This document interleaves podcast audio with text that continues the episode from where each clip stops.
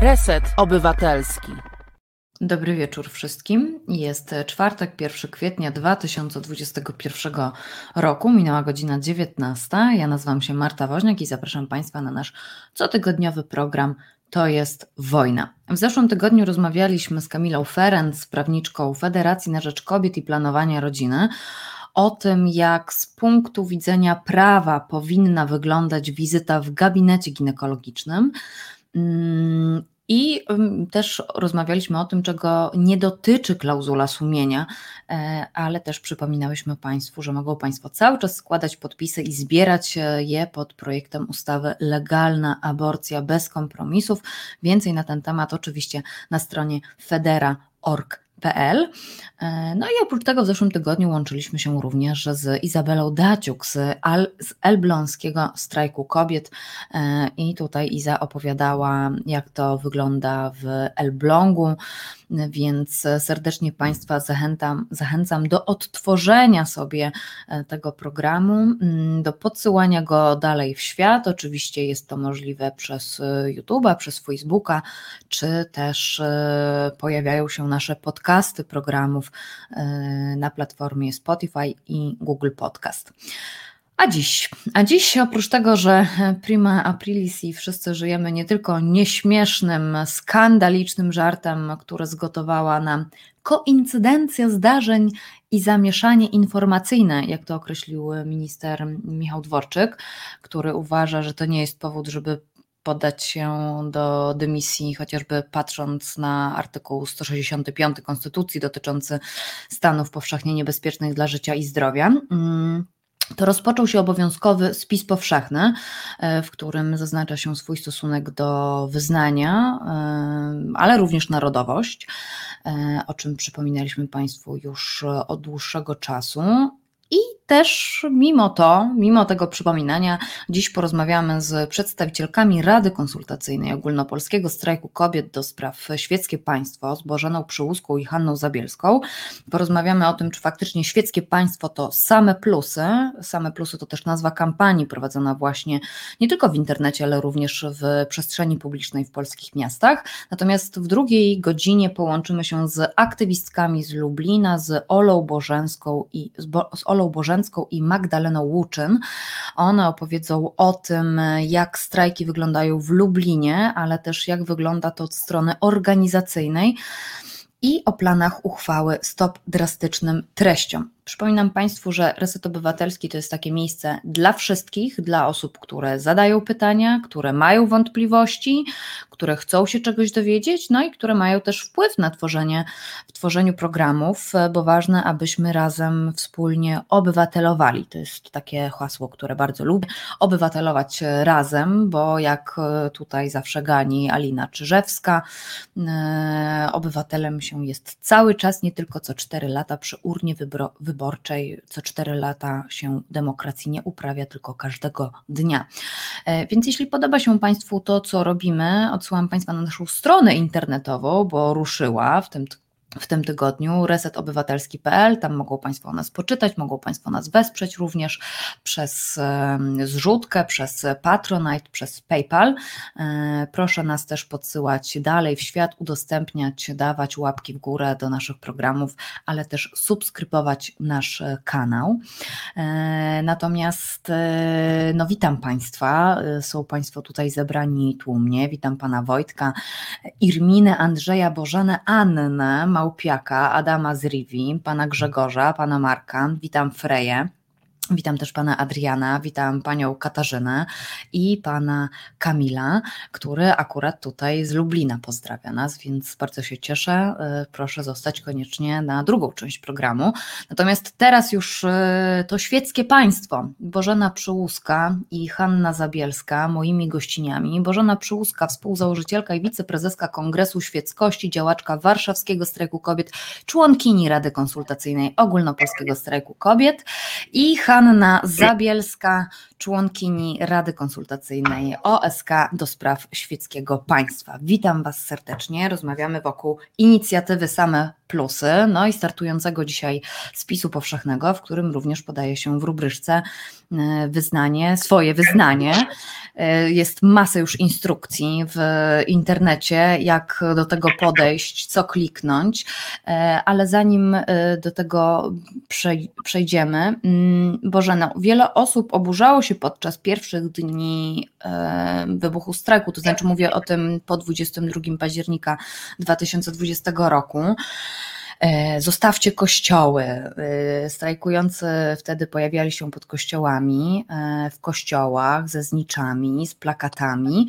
Dlaczego akurat ogólnopolski strajk kobiet, dlaczego ogólnopolskiemu strajkowi kobiet Kościół jawi się jako taki wróg?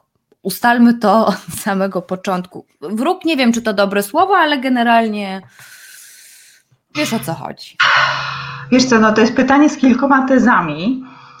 Yy, ale ja nie będę zaprzeczać, tylko zacznę od tego, że yy, w 2016 roku e, w październiku, czyli w pierwszej edycji strajków, wtedy kiedy udało nam się spowodować, że mm, ustawa o całkowitym e, zakazie aborcji e, no, została odrzucona, tak? nie, była procedowana Stałam pod kościołem e, kilkakrotnie, pod kościołem Świętego Krzyża, tym e, słynnym kościołem, pod którym wydarzyły się e, różne ekscesy prawackie, nacjonalistyczne, wobec osób, które tam pokojowo okazywały E, szacunek Jezusowi, ubierając go w tęczową flagę.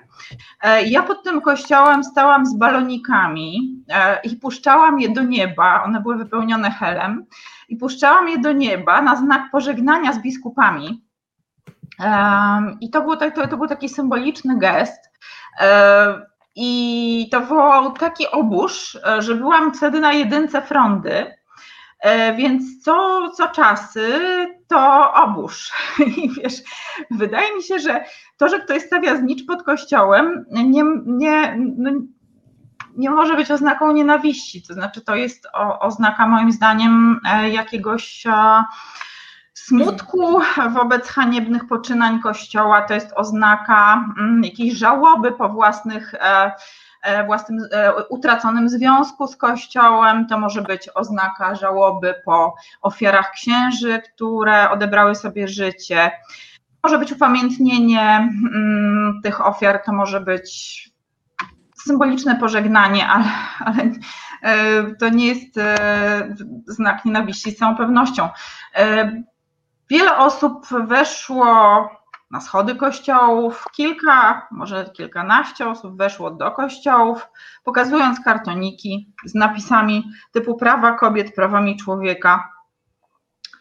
E, odbyły się po prostu pokojowe demonstracje protestu wobec poczynań Kościoła w stosunku do e, kobiet w Polsce. Te poczynania weszły w teren, który jest nieprzeznaczony dla Kościoła. E, prawa kobiet nie są przedmiotem, e, nie są przedmiotem handlu, tym bardziej, nie są przedmiotem przepychanek, e, tylko są prawami człowieka. No i jakby mamy pełne prawo ich bronić, bo to są nasze prawa, bronić ich przed atakami tego, kto je atakuje. Kościół atakuje prawa kobiet E, robi to e, po to, żeby zwiększać e, swoją władzę, władzę polityczną i wpływy. Bo władza nad rozrodczością jest po prostu władzą nad społeczeństwem. I nie przestanie tego robić, jeżeli nie staniemy w poprzek tej drogi, którą kroczy i nie powiemy basta, łap przy sobie.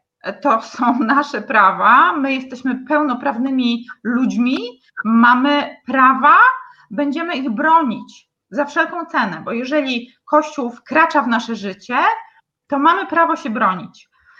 E, ja akurat jestem taką osobą, którą, e, której Kościół kompletnie nie obchodzi tutaj. Akurat z Hanią nas to łączy, bo, bo my jesteśmy nie, zupełnie niezaangażowane w życie e, kościelne w, w żaden sposób duchowo czy wspólnotowo. Nigdy nie byłam W związku z tym nie mam jakiegoś poczucia żałoby, straty, nie przeżywam tego w sposób metafizyczny, że to się dzieje. Mnie Kościół interesuje tylko i wyłącznie w takim sensie, w jakim ja jestem przedmiotem zainteresowania Kościoła, a jestem przedmiotem zainteresowania Kościoła i nie życzę sobie być.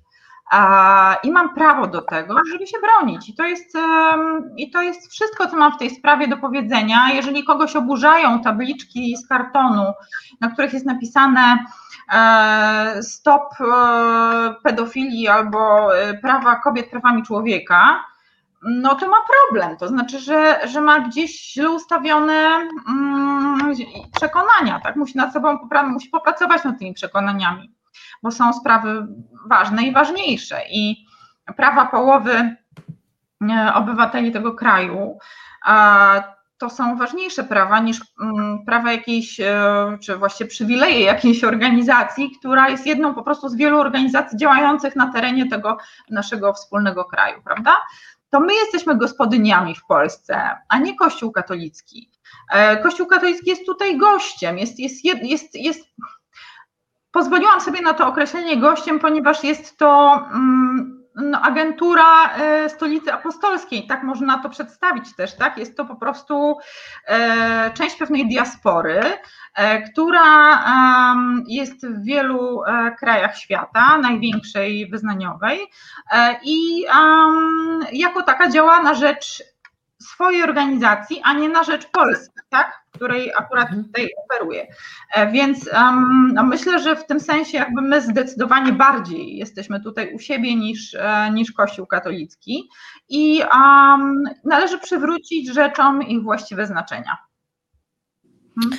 Y, do tego jeszcze wrócimy, natomiast zastanawiam się, y, nie wiem w takim wypadku, czy to pytanie do Was, natomiast y, wiele razy, widziałam wiele takich komentarzy, że atakowanie, mm, atakowanie, jakby wskazywanie palcem na Kościół katolicki, na Kościół katolicki to jest jedno, ale jeśli uderza, uderzamy jakby w wiarę, w religię, w instytucje, to dlaczego nie uderzać też w inne inne grupy wyznaniowe, no bo przecież mamy w Polsce prawosławie, protestantyzm, mamy buddystów, muzułmanów, te religie również w jakiś tam sposób y, mniejszy bądź większy podchodzą do praw kobiet, a y, nie, jakby nie ma takiego wytykania im e, tego takiego patriarchalnego, oprawczego, tej takiej, tego, takiej opra, oprawczej funkcji.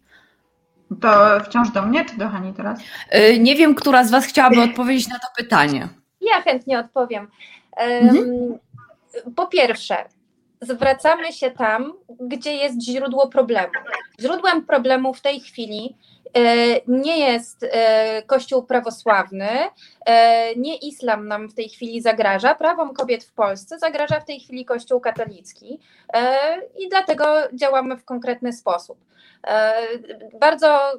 Hmm, nazwijmy, że śmieszyło mnie to, jak kilka lat temu, kiedy PiS e, wtedy jeszcze nie skupiał się na, na walczeniu z feministkami, na walczeniu z osobami LGBT, e, wtedy problemem numer jeden, jak jeszcze pewnie pamiętamy, byli uchodźcy. E, I wtedy była taka duża kampania przeciwko islamowi. Mówiło się bardzo dużo o tym, że jeżeli wpuścimy muzułmanów e, do Polski, to oni straszne rzeczy tutaj będą wyrabiać, między innymi gwałcić polskie kobiety i polscy patrioci się bardzo wtedy wstawiali.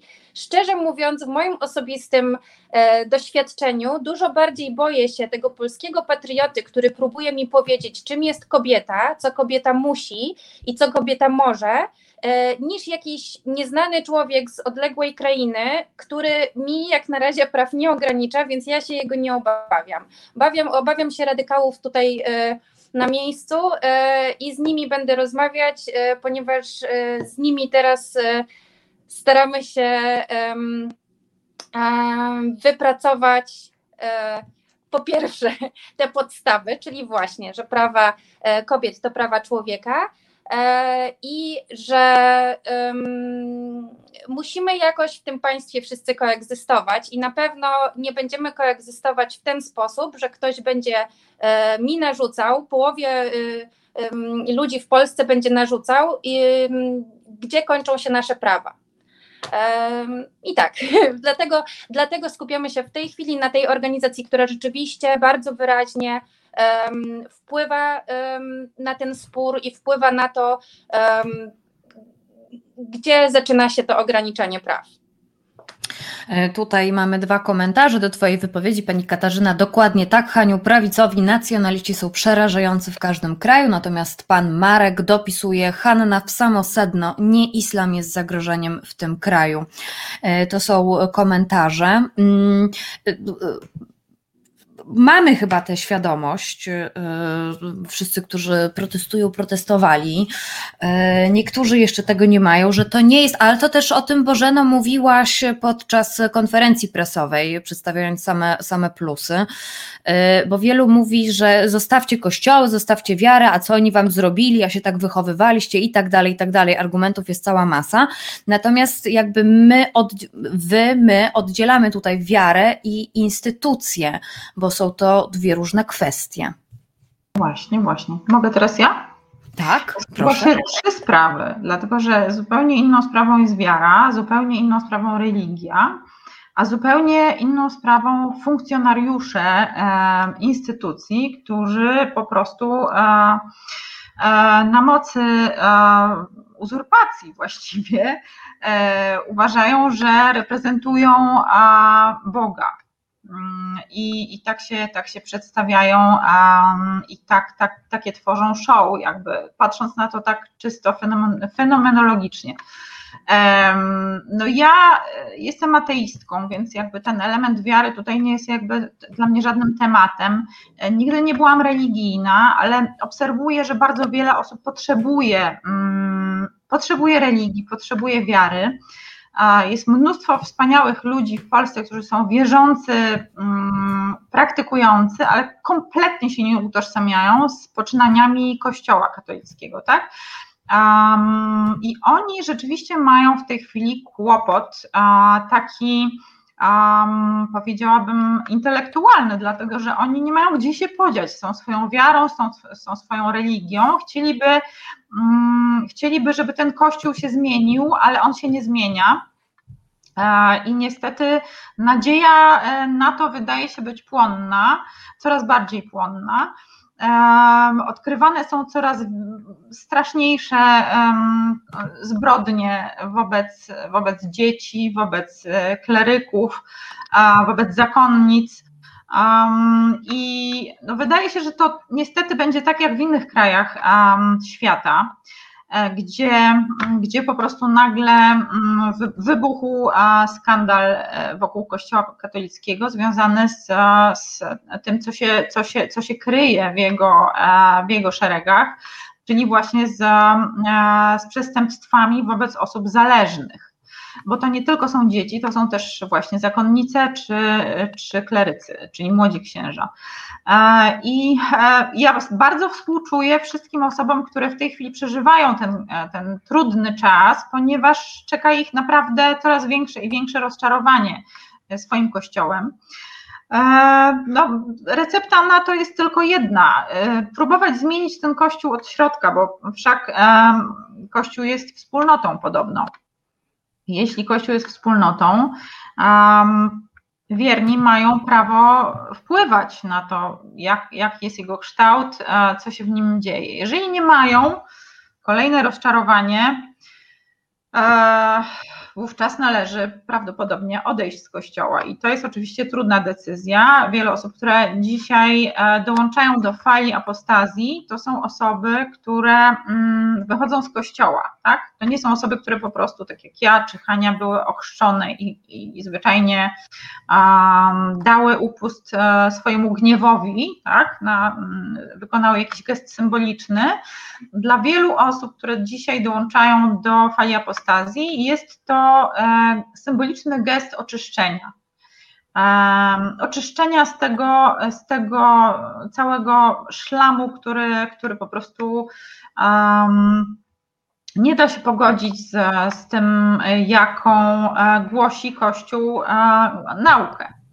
Um, miłość bliźniego w kontekście ataków na osoby LGBT, czy um, szacunek do kobiet, miłość do Matki Boskiej wobec tego, co, co się robi kobietom w Polsce, to są rzeczy nie do pogodzenia i katolicy no, jakby rozumieją, że to są sprawy nie do pogodzenia, więc, więc będą brać udział w procesie um, oczyszczania tej instytucji także przez własne odejście.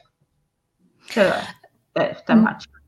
Myślę trochę o tym, co się również mówi, to znaczy o sojuszu tronu z ołtarzem. Y, czy uważacie, patrząc na jakby swoje tutaj y, doświadczenia w ramach świeckiego państwa, że gdyby politycy tak się nie bratali z no, hierarchami kościelnymi, to trochę inaczej wyglądałby ten kościół w Polsce?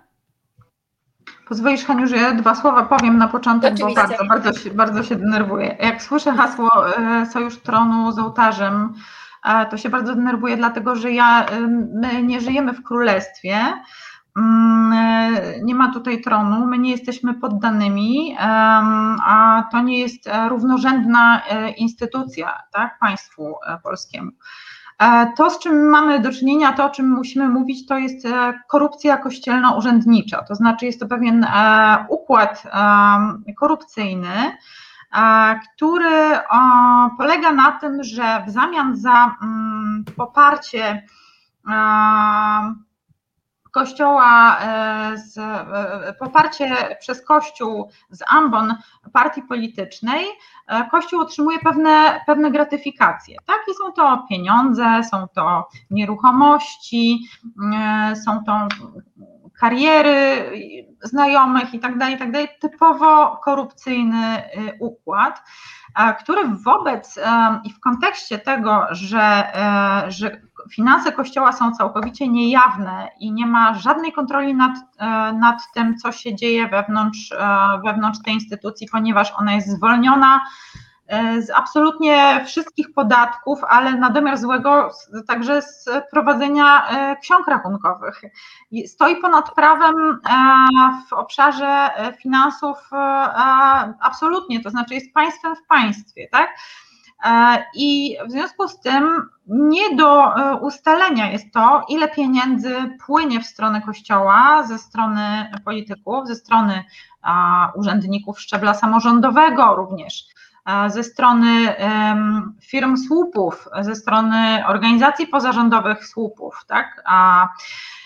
To są, e, to są takie tematy, do których pewnie kiedyś dojdziemy. Nie wiem, czy za naszego życia, może to się wydarzy za życia naszych dzieci, e, kiedy po prostu dojdzie do rzeczywistego rozdziału Kościoła od państwa, czyli do tego, że nie będzie żadnych powiązań ani organizacyjnych, ani finansowych między państwem a Kościołem, żadnym Kościołem, żeby było jasne, bo to po prostu będzie wszystko transparentne.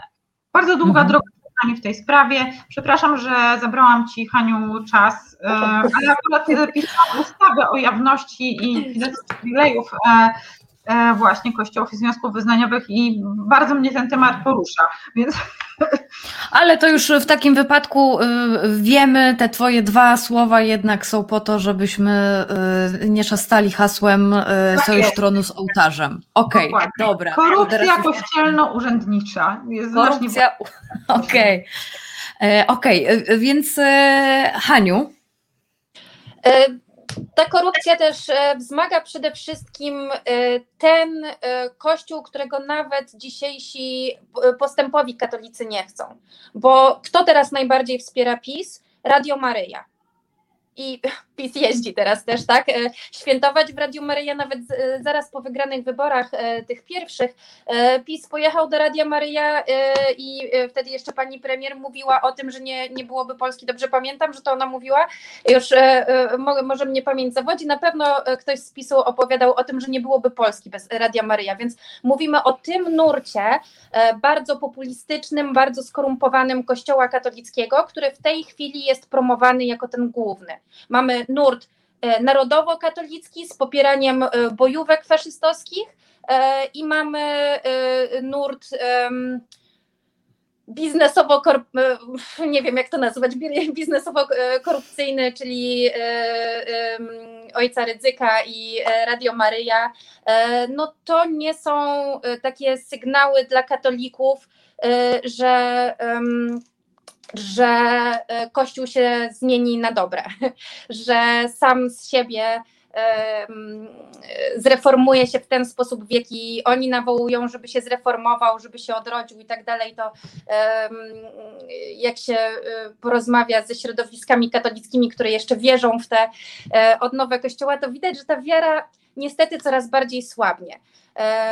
I coraz więcej jest osób, które określają się jako wierzące, ale od Kościoła jako instytucji odchodzą. I widzimy to nawet po tej fali apostazji, E, największa w tej chwili grupa na Facebooku Apostazja 2020. 18 tysięcy osób w tej chwili e, jest w tej grupie. Tam jest całkiem sporo osób wierzących. E, zdziwiłam się, ponieważ ja zawsze myślałam, że jednak apostazja to jest ten moment, um, kiedy ktoś zrywa więzy z kościołem, ale po latach um, kompletnego oderwania od y, y, y, życia, życia bez religii, może tak. A tutaj okazuje się, że jest bardzo dużo osób, które praktycznie jeszcze do połowy zeszłego roku bardzo intensywnie były zaangażowane w życie kościelne i był ten przełom. Ten moment, ten październik, kiedy sprawy zaszły tak daleko i ludzie zobaczyli, połączyli kropki, zobaczyli, jak mhm. ogromny wpływ Kościół katolicki ma na polskie e, prawo, e, na polską politykę i zobaczyli, że to jest ten moment, kiedy trzeba z tego wyjść, kiedy trzeba wysłać sygnał Kościołowi katolickiemu. Część z tych osób wierzy, że być może Kościół się jeszcze usprawni i do niego wrócą, ale w tej chwili nie chcą dawać poparcia, E, nie chcą pokazywać ani swoim uczestnictwem, ani e, dawaniem na tacę, ani w jakikolwiek sposób wspieraniem Kościoła jako instytucji, że Kościół w tej chwili robi dobrze. E, część osób ma tutaj względy polityczne najbardziej na tym im zależy. Część oczywiście ukrywanie pedofilii. To też jest ogromny temat, który oburza bardzo wiele osób wierzących. Więc to nie jest tak, że e, same plusy, czy fala apostazji, czy wypisywanie e, dzieci z lekcji religii to jest tylko i wyłącznie domena ateistów. Jest też bardzo wiele osób wierzących, które uczestniczą w tym ruchu.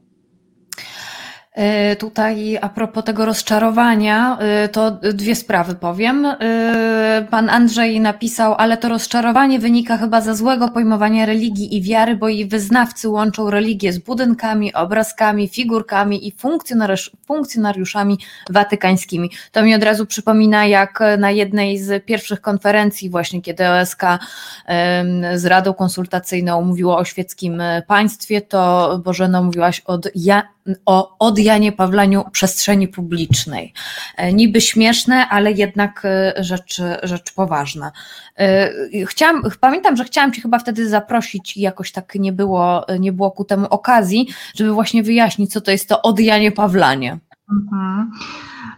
Wiesz, przestrzeń jest nasza wspólna przestrzeń, publiczna przestrzeń, którą dzielą wierzący, niewierzący, wierzący w różne rzeczy, nie tylko w Boga, wierzący katolicy, wierzący, nie wiem, prawosławni, ale także muzułmanie, e, którzy też przecież mieszkają w Polsce, co prawda jest ich mało, ale też są.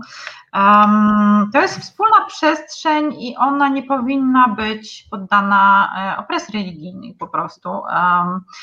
Tymczasem e, Jan Paweł II jest patronem 1500 bodaj albo nawet trochę więcej szkół państwowych kilkuset przedszkoli i no, stał się jakimś takim, no, stał, stał się po prostu symbolem właśnie tej religijnej przemocy, opresji.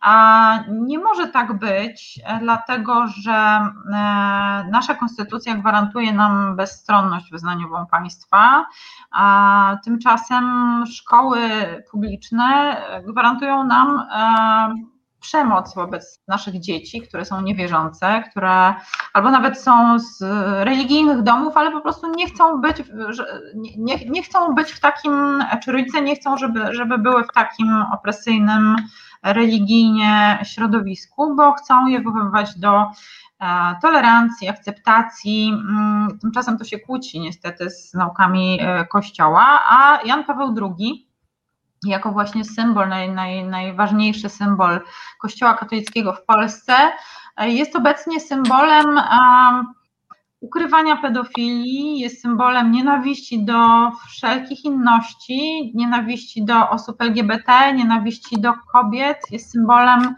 um, no, stoi za nim nawet e, próba e, powstrzymania e, szerzenia antykoncepcji w Afryce, czym niewątpliwie się przyczynił do tego, żeby, żeby mm, epidemia AIDS miała się coraz lepiej. Więc to jest nie do pogodzenia z, ze stanem umysłu współczesnego człowieka, który jest wykształcony, świadomy, mm, moralny. A po prostu drogi nam się rozjechały z Kościołem katolickim, jeśli chodzi o rozumienie tego, co jest dobre. I to jest jakby clue, tak? A Jan Paweł II jest, jest tego symbolem. Um, niestety e, jakby ekspansja Jana Pawła II jako e, właśnie tego, um, tej figurki, którą katolicy zatykają jak chorągiew na szczycie góry, prawda, że zdobyty, teren zdobyty, e, i nazywają kolejne obiekty, kolejne ulice, kolejne rejony imieniem Jana Pawła II. To jest właśnie tego typu działanie, tak? Czyli to jest takie brutalnie, wulgarnie przedstawiając rzecz, obsikiwanie terenu i to nam przeszkadza jako osobom, które są poddawane tej opresji religijnej. Nie chcemy tego. Strasznie to ludzi wkurza i właśnie mm, odjanie Pawlanie jest na to receptą. To jest takie działanie, które polega na okazywaniu na różne sposoby swojego protestu, sprzeciwu wobec tego, żeby, żeby postać Jana Pawła II była tak um, gloryfikowana, e, tak e, pleniła się właśnie w tej e, przestrzeni publicznej i wywierała presję mm, na nas wszystkich. Yy, zrobimy sobie chwilę przerwy, chwilę oddechu na uzupełnienie płynów. Tylko jeszcze zacytuję pana Marka. Korupcja kościelno-urzędnicza. Bardzo mi się to sformułowanie podoba. Yy, I po przerwie porozmawiamy sobie już o świeckim państwie, o samych plusach, yy, a także mamy a propos świeckiego państwa i waszej działalności pytanie od naszej słuchaczki pani, pani Katarzyny, ale to po przerwie. Słuchasz Resetu Obywatelskiego. Reset Obywatelski działa dzięki Twojemu wsparciu. Znajdź nas na zrzutka.pl. Wracamy do naszej rozmowy z Hanną Zabielską i Bożeną Przyłuską z Rady Konsultacyjnej Ogólnopolskiego Strajku Kobiet do spraw świeckiego państwa. E, tutaj przeczytam parę komentarzy, bo Państwo się tutaj odzywają, oczywiście. Pan Marek pisze, dla mnie osobiście idealną definicją odjanie Pawlania jest likwidacja kultu Karola Wojtyły w Polsce poprzez systematyczne odsłanianie ciemnych kart jego pracy jako formalnego szefa firmy firmy. E, tutaj jeszcze Państwo piszą, tutaj jeszcze Państwo piszą. Pan Piotr, Kościół to największa korporacja na świecie. Śmiem twierdzić, że nawet większa od Google'a. E, pewnie tak, e, a nawet i na pewno. E, tutaj jeszcze Państwo piszą, no, znalazłam parę. Pan Jarek, krzyż w Sejmie to symbol podległości państwa polskiego wobec państwa watykańskiego. Gdy ten krzyż zniknie z Sejmu, wtedy symbolicznie zacznie się w Polsce świeckie państwo. I jeszcze miałam tutaj jeden komentarz e, pana, e, również Marka, że zmiana w kościele to czysta mrzonka. Ta instytucja ma od 2000 lat ściśle określony profil działalności i bardzo jasno określone priorytety. Na szczycie listy niezmiennie są pieniądze, a nie ludzie i ich duchowe potrzeby. E, dość dużo jest tych komentarzy. Piszą Państwo również, chociażby tutaj ciekawość pisze, ja już po spisie powszechnym ciekawy jestem, ilu niewierzących zaznaczy opcję nie chcę odpowiadać na to pytanie. Zanim powiemy sobie o spisie powszechnym, zadam pytanie od pani Katarzyny, bo uważam, że ono jest bardzo ciekawe i warto o tym też wspomnieć, e, bo ja zastanawiałam się, czy na przykład właśnie do Was docierają sygnały od osób, e, które właśnie mm, na fali mm, protestów ogólnopolskiego strajku kobiet zaczęły do Was pisać a propos tego z pytaniami, jak zrobić apostazję, bo w pewnym momencie było coraz o niej więcej i głośniej. Natomiast Pani Katarzyna zadaje pytanie z perspektywy wieloletnich działań na rzecz, na rzecz świeckiego państwa, czy widzicie teraz jakąś zasadniczą różnicę? Czy ludzie przestają się bać? Takie pytanie od pani Katarzyny. To Ania, dawaj. E, jest tak. Po pierwsze, e, zanim jeszcze strajk e, zaczął mówić o, na przykład nasza Rada Konsultacyjna zaczęła mówić o apostazji, to już ta fala ruszyła. Ona naprawdę była takim ruchem e, kompletnie oddolnym z potrzeby serca, e, bo to już e, jeszcze, jeszcze w październiku, ostatnie dni października, to były strony Apostazja Info i Apostazja EU odnotowały ogromny ruch. To są te strony, które do tej pory najczęściej dostarczały informacji osobom zainteresowanym apostazją, mają wzory apostazji. E, powstały nowe grupy właśnie na Facebooku. E, to wszystko się wydarzyło jeszcze zanim zaczęliśmy o apostazji e, jako Rada mówić. Ale jak najbardziej zachęcamy, oczywiście to jest taki jakby pierwszy krok, pierwszy sygnał, który można wysłać w przestrzeń publiczną. Bardzo ważny krok, ale też bardzo ważny osobiście. Wiele osób do nas pisze o uldze, którą ma, o radości, którą ma z dokonania apostazji, e, ponieważ jest to jakby coś, co gdzieś w tle, e, e, w tyle głowy człowiek ma, że trzeba formalnie zaznaczyć swoje odcięcie od kościoła, ale nie mamy na co dzień na to czasu, nie mamy ochoty, nie mamy ochoty przechodzić procedur kościelnych i, i jakoś to odkładamy na później. Ja byłam jedną z takich osób jak już mówiła Bożena, nie, nie, nie czułam się chyba nigdy specjalnie związana z Kościołem, i, y, ale kiedy wyszedł temat y, sporo lat temu apostazji, to tak y, słyszałam takie e, pogłoski, że może lepiej w ogóle tej apostazji nie robić, bo jakby Kościołowi potwierdzamy, że uczestniczymy w jego procedurach. No właśnie, no właśnie. Miałam, miałam, miałam swoje obawy i dopiero rzeczywiście y, jestem jedną z tych osób, gdzie e,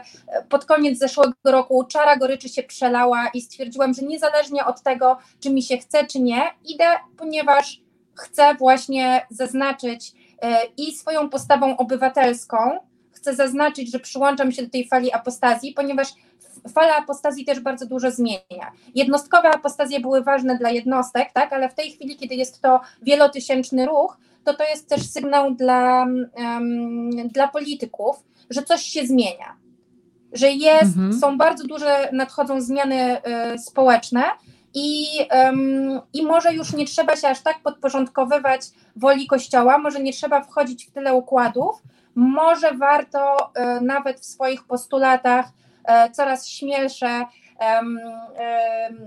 postulaty mieć dotyczące świeckiego państwa, E, takich faktycznych rozdziałów, jak na przykład wypowiedzenie konkordatu, co do tej pory bardzo niewielu e, polityków e, miało tę odwagę, żeby o tym mówić, że konkordat taki jak jest teraz nie powinien być, stoi w sprzeczności z wieloma zapisami konstytucji i na razie mieliśmy niestety niewielu tak odważnych polityków, żeby, żeby, żeby to postulować. Mam nadzieję, że nabiorą trochę więcej odwagi, bo wszystkie dane teraz i fala apostazji, i masowe wypisywanie dzieci z lekcji religii w szkołach i e, badania e, dotyczące laicyzacji młodzieży mówią, że przyszłość będzie wyglądała inaczej, że to młode pokolenie ma już inny stosunek do kościoła, ale też osoby w naszym wieku i starsze też zadają sobie ten trud, żeby pójść do kościoła, złożyć to oświadczenie, co świadczy o determinacji tych osób jak bardzo trzeba być, szczególnie dla osób wierzących szczególnie e, osób z małych miejscowości. Ja bardzo podziwiam. Piszą do nas osoby, e, które są z miejscowości w stylu 200 mieszkańców, wszyscy, wszyscy siebie znają E, proboszcz na rozmowie pyta o takie rzeczy jak to, czy babcia wie i on sobie z babcią porozmawia na temat tej apostazji, tak jest próba tego szantażu emocjonalnego, jest pociąganie za wszystkie sznurki, tak? I te osoby w małych miejscowościach się wykazują szczególnie dużym hartem ducha e, i robią to. I robią to, czyli to nie jest tylko kwestia, nie wiem, to nie jest ruch e, tylko i wyłącznie osób o lewicowych poglądach, to nie jest tylko i wyłącznie, nie są to mieszkańcy dużych miast, to jest naprawdę teraz e, ogólnopolska sprawa. E, tutaj nasza Wicka Gonia Francuz pisze: Nie wierzę, nie chodzę do kościoła, nie zamierzam robić apostazji. Po co? Odpowiada jej kolejna Wicka, choćby po to, żeby Kościół katolicki nie twierdził, że jest 95% katolików w Polsce. E, odpowiada tutaj również Wic, Wicka, ciekawość. E, masz chrzest, bo jeśli tak, to jesteś liczona jako aktywna katoliczka, a to już przekłada się na finansowanie Kościoła z naszych podatków. Czy to prawda? W ten sposób, bo zacznijmy od tego, że Kościół w ogóle nie podlega RODO. Kościół ma swojego własnego inspektora mm, ochrony danych osobowych i mm, względem naszych własnych danych osobowych nie mamy właściwie żadnych praw. To znaczy, nie istnieje możliwość formalnego mm, wycofania swoich danych osobowych z tej instytucji, wycofania zgody na przetwarzanie tych danych E, ponieważ e, świeckie prawo tam nie sięga. Kościół w tym zakresie jest zupełnie mm, poza prawem, jest, jest państwem w państwie, podobnie jak jeśli chodzi o finanse. Także y, jeżeli chcemy się w cudzysłowie oczywiście, wypisać z tej instytucji, to możemy to zrobić wyłącznie symbolicznie, co ma oczywiście takie znaczenie, o jakim tutaj e, wspominałyśmy i my, i, i Wicki, które, które zaznaczyły, że to ma znaczenie no, dla statystyk, prawda, dla mm, też e, no, symboliczne znaczenie, takie oczyszczające dla osób wierzących. E, dla osób niewierzących ma to takie znaczenie, że w ten sposób zasilają fale zjawiska, które e, jest komunikatem dla polityków, komunikatem dla Kościoła, łapy precz od naszego życia. E, I w tym sensie apostazja ma wielkie znaczenie, dlatego że to nie są pojedyncze mm, gesty, tylko to jest naprawdę fala społecznego oburzenia. Ale tak, e, nie ma to znaczenia, jeśli chodzi o mm, taki prawny aspekt, dlatego że Kościół nie przestaje wraz z apostazją przetwarzać naszych danych osobowych. Mało tego, wciąż e, uważa nas za katolików, tylko że po apostazji. E, także. E, także, także mm, cieszmy się w tym kontekście, że Kościół jawnie informuje nas, e, jakie są wyniki jego wyliczeń, jeśli chodzi o e, wizyty na mszach, bo to jest no, w miarę zobiektywizowana informacja. Oczywiście no, tutaj liczącym jest też Kościół, więc mm, można się zastanowić, na ile te dane są wiarygodne. E, dane, które mówią o tym, ile osób uczestniczy mm, w mszach świętych one są podawane przez statystyki Kościoła katolickiego i wynika z nich, że to jest e, około 38 w tej chwili procent e, tak zwanych zobowiązanych, a zobowiązanych jest 82% spośród ochrzczonych a w Polsce, uwaga, ochrzczonych jest tylko 87% ludzi. Także te, te 95% katolików, o których e, wspominają, e, które, których reprodukują jako fakt e, hmm. taki żyjący własnym życiem e, z reguły dziennikarze, e, to jest, e, to jest prawdopodobnie echo właśnie spisu powszechnego. I tutaj dochodzimy do sedna. Raz na 10 lat musimy powiedzieć coś o sobie e, i to ma naprawdę gigantyczne konsekwencje, e, akurat w tym obszarze e, no nie do przecenienia, bo niestety państwo polskie nie prowadzi rzetelnych statystyk, jeśli chodzi o liczbę osób, które rzeczywiście uczestniczą w życiu Kościoła.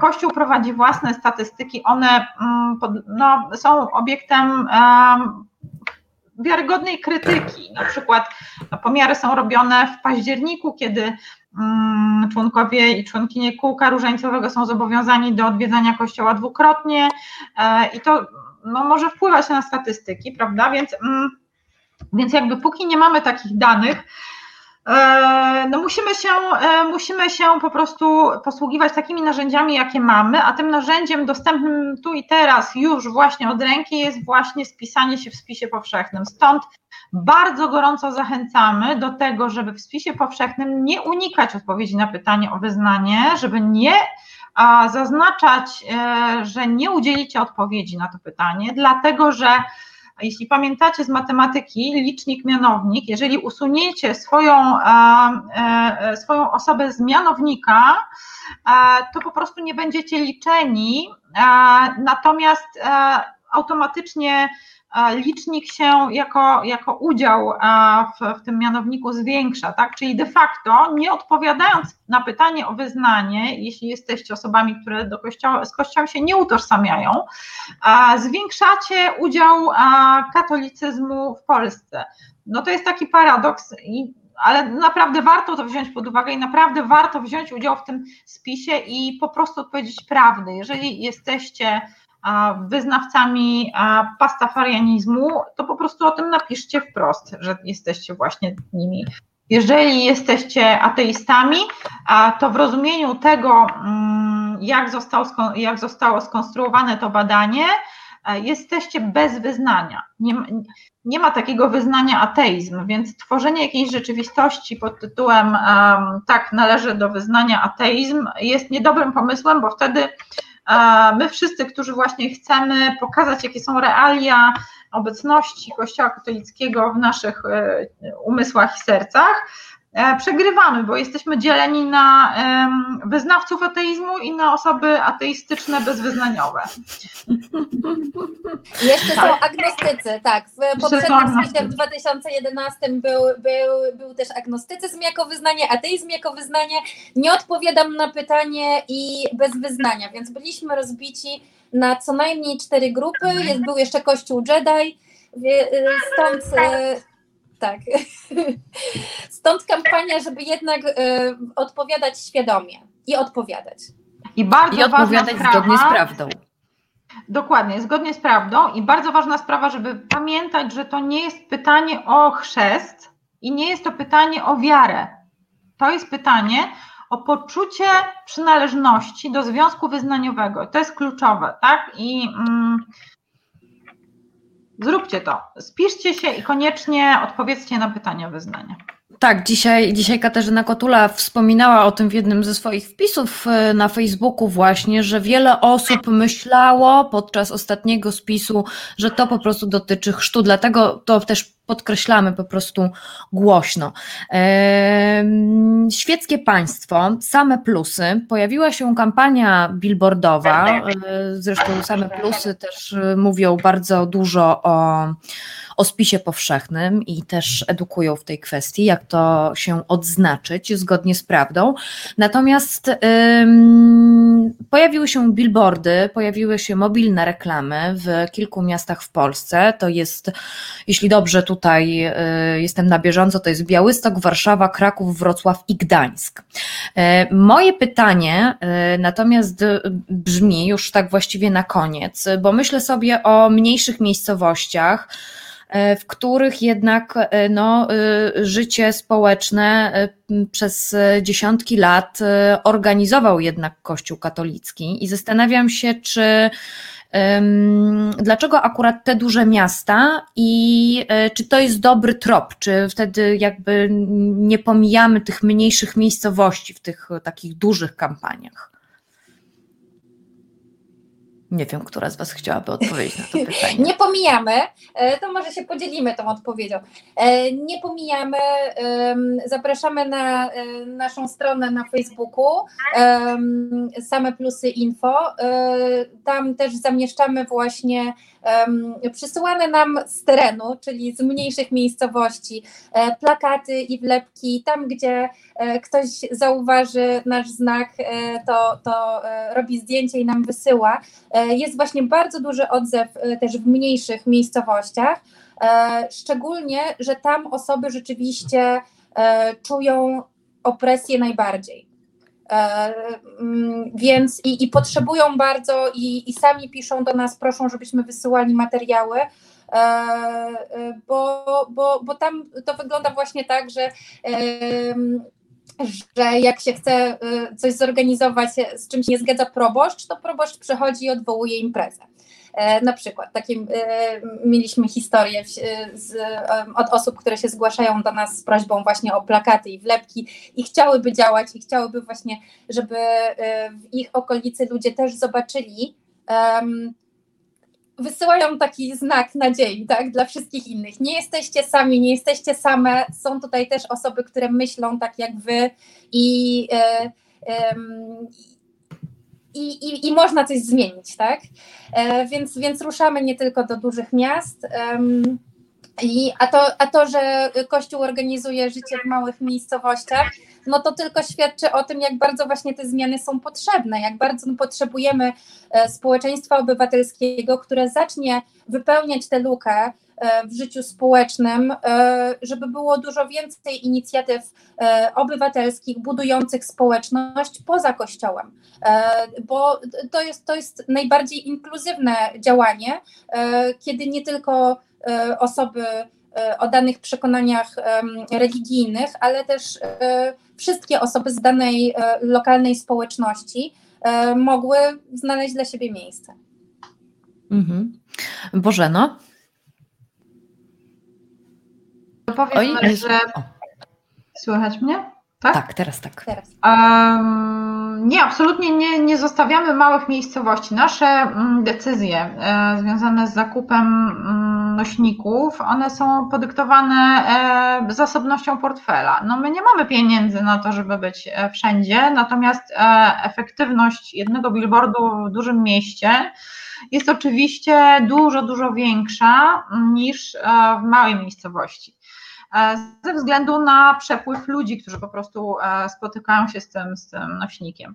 Więc to jest na tyle proste. Natomiast z drugiej strony też jakby mamy świadomość tego, że miasta są o wiele śmielsze, ludzie w miastach są, śmiel, są śmielsi, tak? Myślą a, tak samo śmiało, ale zachowują się dużo śmielej, dlatego że w miastach każdy może znaleźć swoją społeczność i każdy może znaleźć w niej e, wsparcie, a w mniejszych miejscowościach to nie jest takie proste i Dlatego, e, dlatego zaczynamy od miast, bo pokazujemy w ten sposób mniejszym miejscowościom, że takie rzeczy są robione, e, są robione w miastach, więc wy też możecie takie rzeczy robić i nic strasznego się nie dzieje, prawda? Nikt was mm, e, nie zrobi wam krzywdy za to, że powiesicie plakat i napiszecie na nim, co, co myślicie, prawda? Taka dziwna sytuacja. Więc mm, no, to jest właśnie nasza robota, która polega na tym, że, że my dajemy taką platformę e, osobom, które są wkurzone, one już myślą to, co myślą, my nie e, generujemy e, jakby tutaj nowej treści, ludzie po prostu są wkurzeni na Kościół strasznie, tylko jakby nie, nie do końca mają, nie czują, że mają narzędzia do tego, żeby to pokazać, żeby się właśnie oczyścić i my pokazujemy, jak można to zrobić, jak można żyć w zgodzie ze sobą i z dala od kościoła, tak? Że to jest naprawdę do zrobienia, że. Mm, że ta apostazja, że to, że, że się, nie wiem, nie wysyła dziecka na religię, to naprawdę jest na wyciągnięcie ręki dostępne i nic się złego nie dzieje, jak się to zrobi, że naprawdę można mówić, co się myśli i naprawdę nie, nie trzeba e, dawać e, sobą pomiatać, zarządzać swoim strachem, tak, bo czym jest, e, czym jest e,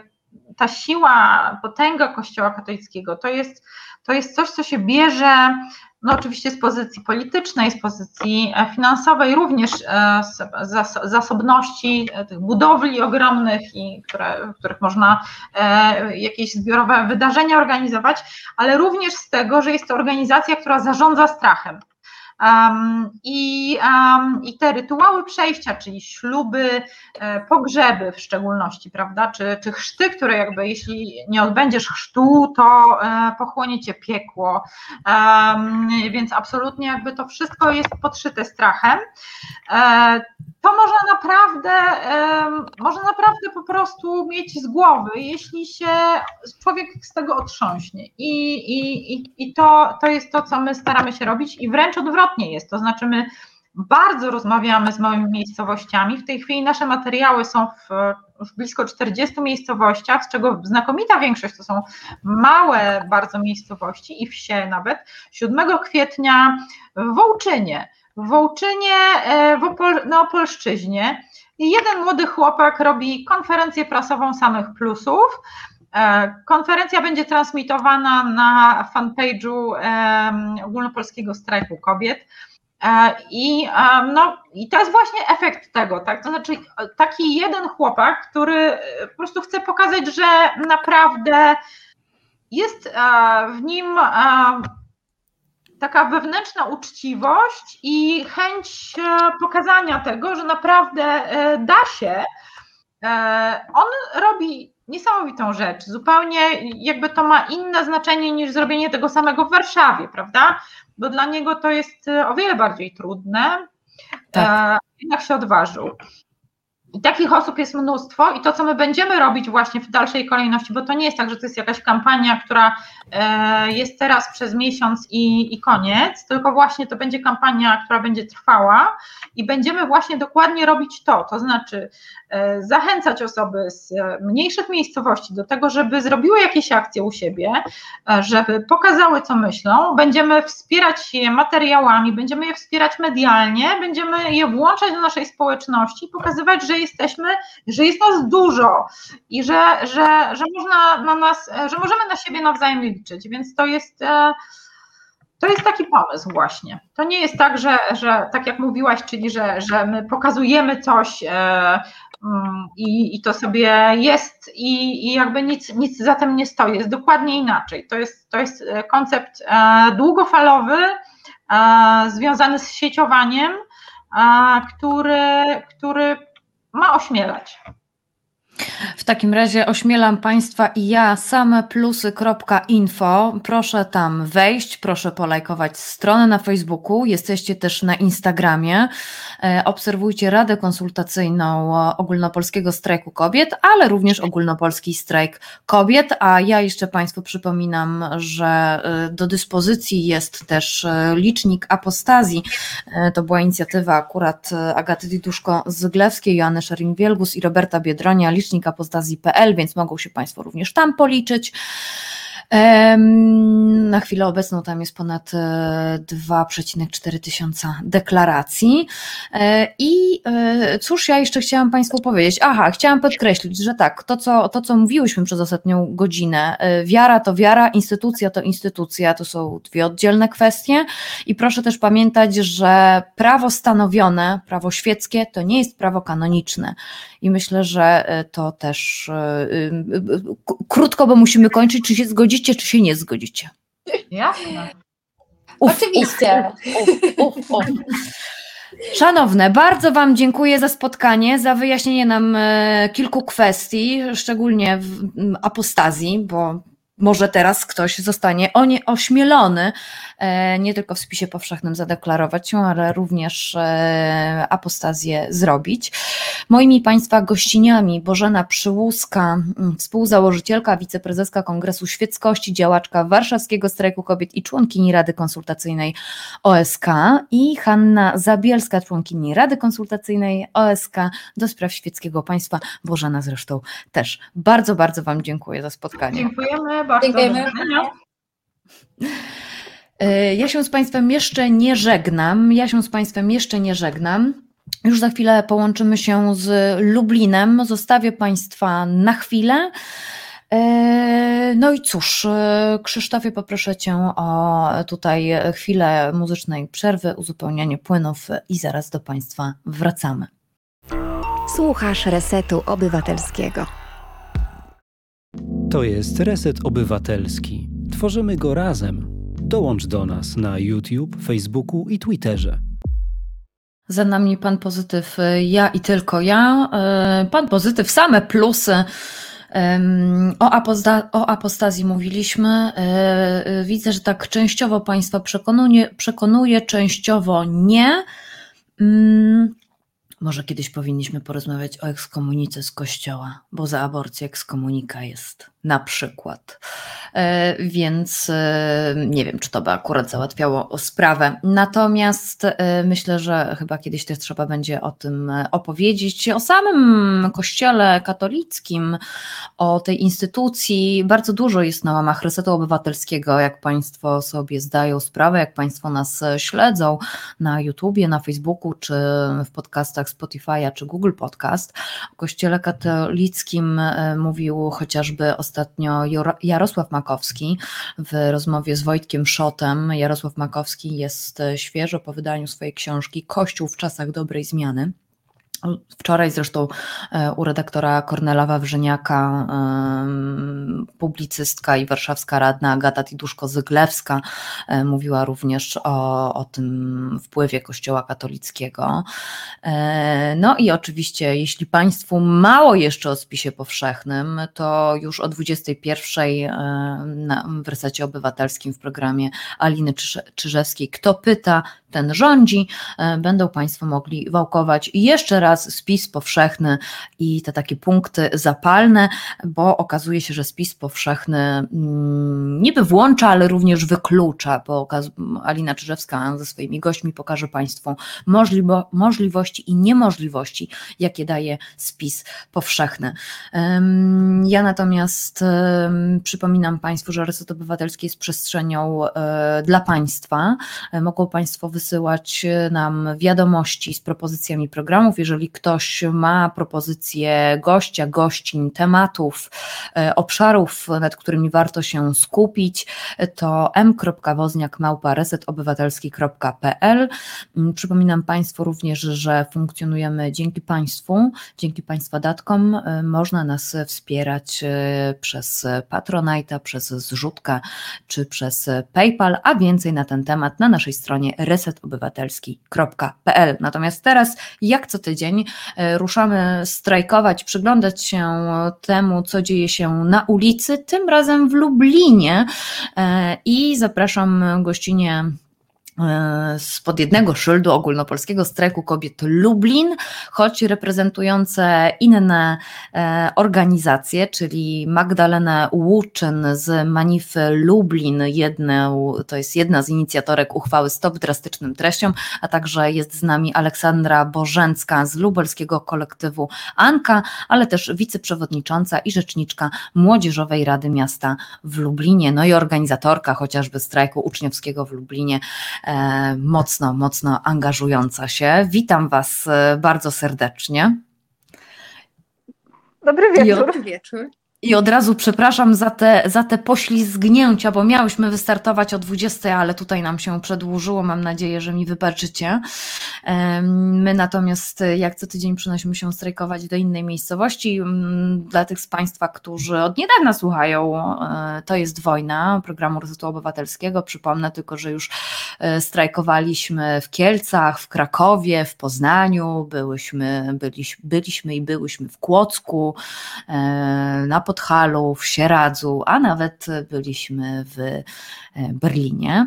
Także dzisiaj przyszedł czas na Lublin, gdzie rozmawiamy e, z dwiema kobietami działającymi w innych organizacjach, jak już wcześniej powiedziałam, ale pod jednym szyldem ogólnopolskiego strajku kobiet Lublin. Jeżeli mają Państwo jakieś pytania, jeżeli Państwo chcą wesprzeć e, tutaj e, Magdę i Ole, to proszę dać znać w komentarzach e, koniecznie. Natomiast ja no, y, kiedy przygotowywałam się do naszej rozmowy, no to y, zawsze widzę jakieś różne rzeczy w każdym mieście, w każdym regionie, coś, co jest bardziej charakterystyczne. I akurat y, uważam, że wy jesteście ewenementem w skali kraju. Mm, a dlaczego ewenement, to też zaraz wyjaśnię, bo bardzo mi się to podoba. Ogólnopolski Strajk Kobiet w Lublinie to mam wrażenie, że jest taką organizacją matką lubelskich organizacji idących ramię w ramię podczas strajków kobiet. E, powiedzcie proszę, które organizacje wchodzą w skład OSK Lublin? Nie wiem, która z Was chciałaby odpowiedzieć na to pytanie, więc e, proszę się podzielić. E, no tak naprawdę myślę, że w skład lub, lubelskiego, ogólnopolskiego strajku kobiet, no wchodzi na pewno Manifa, Lublin, też nasz lubelski kolektyw Anka, Lubelski Komitet Młodzieżowy, tutaj też część osób młodych się też bardzo mocno myślę, że zaangażowała i też wiele osób, które należą tylko do strajku kobiet. Mhm. E, bo tutaj też, kiedy pisałam e, do OSK Lublin, e, to tutaj dostałam sygnał, że jest to wiele organizacji, które należy podkreślić i uwzględnić. Między innymi też miała się tutaj z nami pojawić Magdalena Bielska, liderka lubelskiego KOD. Niestety nie mogła z przyczyn prywatnych się z nami połączyć, ale tutaj e, pozdrawiamy. E, a dlaczego powiedziałam ewenement? Dlatego, że mm, kiedy zapraszam mm, poszczególne, jak ja to nazywam, lokalne oddziały strajkowe, rzadko kiedy spotykam się z taką organizacją na tak wysokim poziomie i z taką uwagą właśnie, by wspomnieć e, te rzesze aktywistów i aktywistek e, i że mimo, że pod, pod różnymi szyldami występują, występujecie, e, to się jednoczycie i dbacie o to, żeby wspomnieć wszystkich. I odnoszę wrażenie, że to jest akurat kluczowe, kiedy na protestach pojawiają się chociażby hasła Solidarność naszą bronią albo nigdy nie będziesz szła E, sama, nigdy nie będzie szedł sam. E, dlatego bardzo Wam gratuluję i uważam, że inne ośrodki strajkowe zdecydowanie powinny czerpać e, z Was tutaj dobry przykład. To oczywiście jest w mojej ocenie. Mogę się mylić, bo to bardzo mi przypomina po prostu sytuację, jaka miała miejsce w Argentynie. Właśnie dużo ośrodków dalekich od siebie, ale jednak cały czas pod jednym szyldem i to jest, i to jest bardzo, bardzo piękne. Ale Organizacja organizacją to jest wojna prawa osób e, LGBT, w opłakanym stanie, e, prawa mniejszości etnicznych w Polsce w opłakanym stanie, prawa kobiet w Polsce, prawa zwierząt, e, nacjonalizacja ciał, jak to mówiła Gloria Steinem. Cały czas to trwa. W Sejmie próbują nam tutaj wcisnąć, że rodzina jest zagrożona, że w kościele wiara. Um, powiedzcie, dlaczego wy strajkujecie? Po co wychodzicie na ulicę? Po co wam, po co wam zależy na prawie do aborcji? Magdalena Łuczyn. Tak. Y, odpowiadając, nawiązując do tego, co przed chwilą powiedziałaś, Marto, to myślę, że Lublin ma już y, kilkudziesięcioletnią historię strajkowania, e, bo e, właśnie w ubiegłym roku minęła 40. rocznica rozpoczęcia strajków w Lublinie, Lubelski Lipiec 80. Także mm, drugą rzeczą, jeżeli chodzi tak, o taką charakterystykę odnośnie do Lublina, to to, że my faktycznie wszyscy się znamy i tak mniej więcej wspieramy, zarówno jeżeli chodzi o płaszczyznę taką organizacji pozarządowych, jak i ludzi kultury, to myślę, że w dalszej części też o tym powiemy. Jeżeli chodzi o e, moją osobistą e, e, mm, dlaczego ja idę, wychodzę, to dla mnie było to absolutnie oczywiste. To znaczy w tym sensie, że jakby mm, świadomość zagrożenia praw kobiet to jest też świadomość zagrożenia w ogóle praw innych osób. E, i e, też takich podstaw demokracji, ponieważ ja uważam, że e, nie może być tak, żeby mm, w jakimkolwiek kraju decydowała, decydował Kościół. W Polsce akurat jest to Kościół katolicki, ale ja myślę też szerzej o klerze jako takiej, takiej instytucji, która właściwie rozciąga swoje E, swoją władzę, swoją pozycję na inne osoby i na życie y, prywatne ludzi. I myślę, że to jest bardzo niebezpieczne. Y, w tym sensie, że y, rozdział, taki bardzo zdrowy rozdział jakiegokolwiek, jakiejkolwiek instytucji religijnej od naszego życia świeckiego powinien być bardzo wyraźny też to pokazują inne kraje. E, nie chcę, nie chcę porównywać Polski do e, krajów, gdzie dominuje islam, e, bo to, to nie jest ta skala, ale mm, ja uważam, że ja, ja nie chcę, żeby ktoś obcy decydował o moich wyborach, w szczególności, że jeżeli chodzi o prawa kobiet i w ogóle taką prawa, prawa człowieka, to właściwie one są stosunkowo młode bo Powszechna Deklaracja Praw Człowieka została podpisana zaledwie w 1948 y, roku, więc relatywnie niedawno.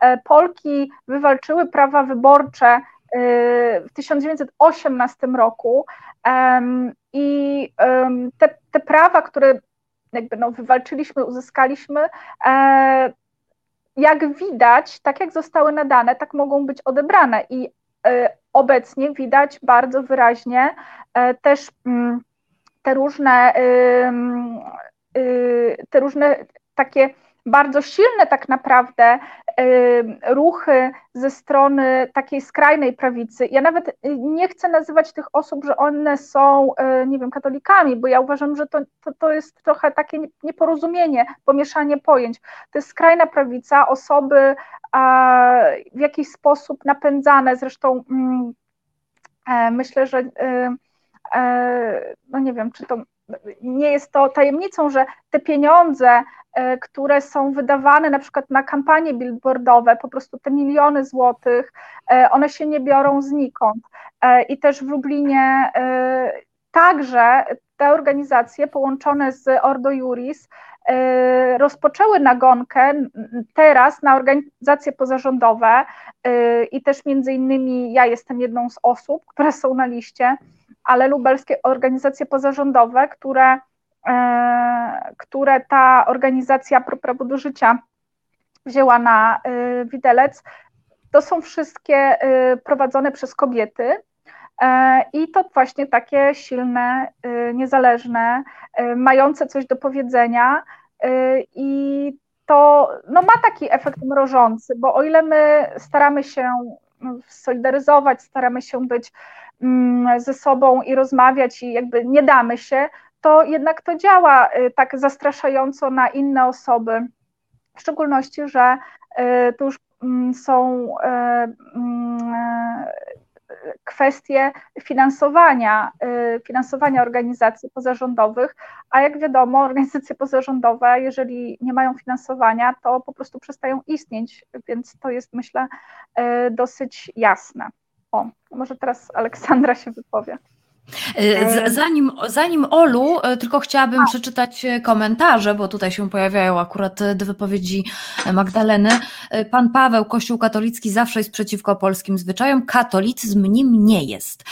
Pani Agata, bałwochwalcy, nie katolicy, a pan Kajetan pisze, u nas w Irlandii już od ładnych paru lat kościół w polityce nie istnieje.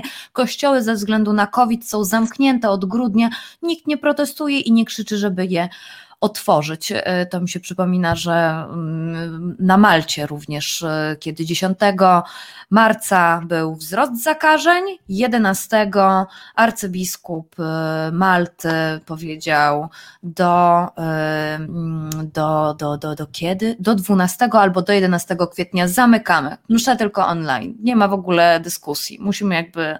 I to jest akurat tutaj komentarz do pana Kajetana. Natomiast, Olo, dlaczego ty strajkujesz? E, dlaczego ja strajkuję? Ja strajkuję no przede wszystkim e, dlatego, że nie jestem osobą obojętną. E, bardzo interesuje mnie to, co dzieje się dookoła mnie. Zawsze dla mnie też naturalny, naturalnym takim zrywem było, żeby walczyć o swoje prawa. Jestem też osobą bardzo młodą i, mm, i myślę, że jestem świadoma tego, co, co jest dla mnie ważne na jakim poziomie chciałabym decydować o swoim życiu w przyszłości. E, no i przede wszystkim e, bardzo mi zależy, e, żebym zawsze w, każdym, w każdej sytuacji miała, miała wybór, bo też nie wiem, co mnie czeka za kilka lat. Tak naprawdę niedawno weszłam w tą dorosłość. No i też ważne chyba tutaj jest wspomnieć, że nasz lubelski kolektyw Anka też w większości składa się z dość młodych osób aktywistycznych, My też e, bardzo szybko się zrzeszyliśmy. E, też tak naprawdę czekaliśmy na ten pierwszy bodziec, gdy e, wybuchły strajki. I to było dla nas naprawdę bardzo takie oczywiste, bardzo naturalne, żebyśmy wyszli i walczyli o swoje prawa. Olu, y, zostanę jeszcze przy Tobie chwilę, bo tutaj wspomniałaś, że jesteś bardzo, bardzo młoda. Ja robiąc research y, widziałam, co robiłaś i co robisz. E, tyle, ile mogłam znaleźć w internecie, oczywiście, e, w różnych również doniesieniach pracowych, więc to jest bardzo imponujące i aż zazdrość mnie bierze, że ja taka aktywna nie byłam, e, powiedzmy, w Twoim wieku. Natomiast jak to wygląda, e, bo to, bo to też jest ciekawe. Mówi się, e, mówi się tak, po pierwsze o e, takich mm, według ostatnich badań, y, sondaży różnego rodzaju, y, po pierwsze, młodzież się laicyzuje, no i też jakby tutaj wykazuje bardziej poglądy lewicowe. Natomiast jak oceniasz, na przykład, nie wiem, w swojej klasie, wśród swoich rówieśników obecnie z dawnych lat, może ciut starszych, czy oni również są tacy aktywni? jakby pomijam tutaj e, kolektyw Anka, ale tak jak obserwujesz wśród, nie wiem, znajomych, których masz, nie wiem, na Facebooku, czy, czy, czy z którymi utrzymujesz kontakt, czy oni też na przykład uważają, że to jest, to jest ważna sprawa? Strajk e, kobiet? E, Okej, okay. e, tak naprawdę to jest bardzo zróżnicowane. E, też mam znajomych z różnych grup. Mam znajomych, którzy się bardziej tak angażują nawet już w inne sprawy, nie patrząc czy to w protesty, protesty czy formy właśnie strajkowe, ale jakbym tutaj patrzyła na, na płaszczyźnie moich znajomych szkolnych, e, to wręcz myślę, że taka postawa osoby młodej, która strajkuje i walczy o swoje prawa, jest dość wyśmiewana i też bardzo często e, jest brana na pierwszy plan w sposób taki dość, dość negatywny. Oczywiście też nie chcę wszystkich e, wrzucać do jednego worka, bo oczywiście dookoła siebie mam bardzo wiele osób aktywnych, który, którzy nie są obojętni, e, którzy też dzięki e, strajkom, które wybuchły w październiku, wyszły pierwszy raz na ulicę.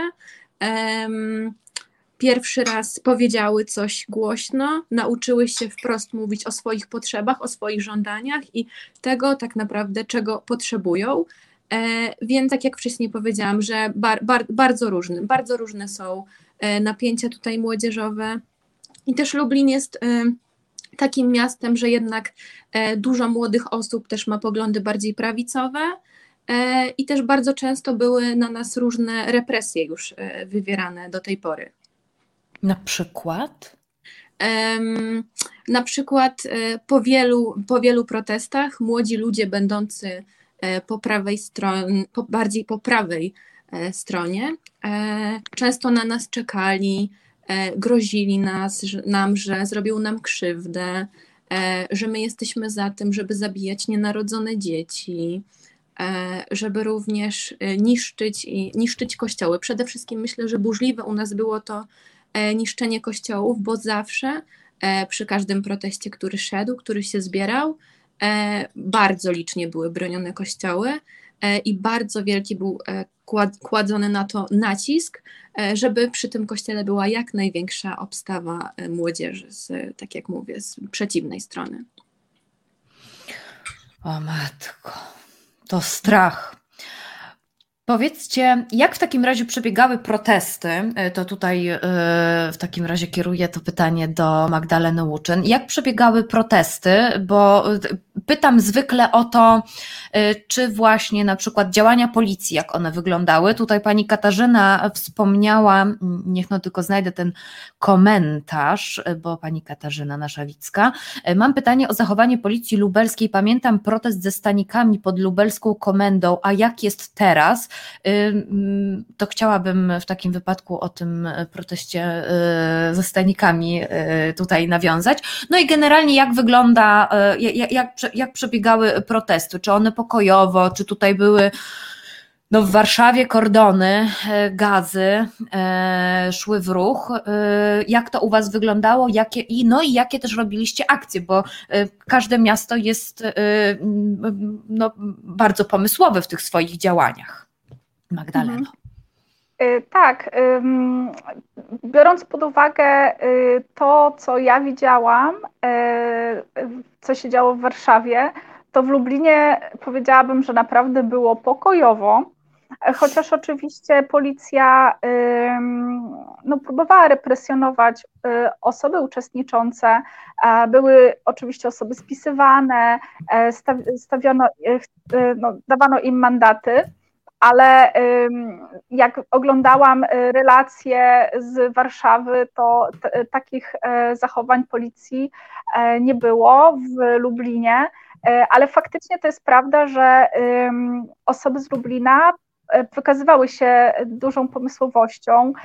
Ta właściwie taka akcja, takie działanie performatywne polegające na połączeniu biustonoszy E, i też rajstop i e, zrobieniu zdjęcia przed prokuraturą, e, to było bardzo mocne, bardzo takie wymowne. Zresztą ta, mm, ta instalacja y, została y, przekazana y, Galerii Labirynt, Galerii Sztuki Współczesnej w Lublinie i stała się jednym z dzieł, które zostały wystawione na mm, wystawie, która została zorganizowana tak spontanicznie.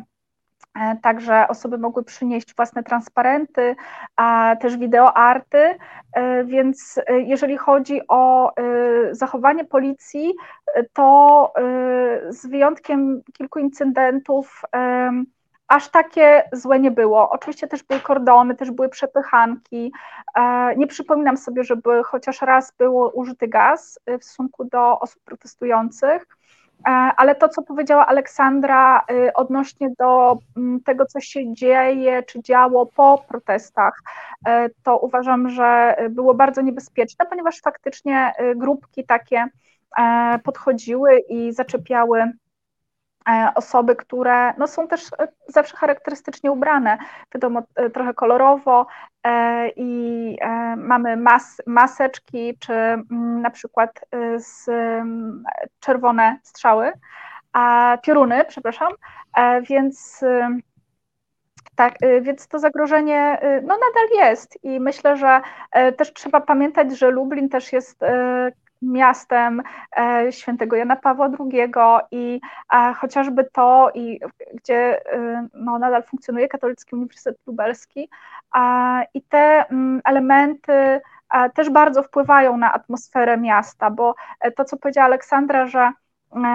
my protestujemy, ale tak naprawdę jesteśmy nadal w bardzo dużej mniejszości i także młodzież.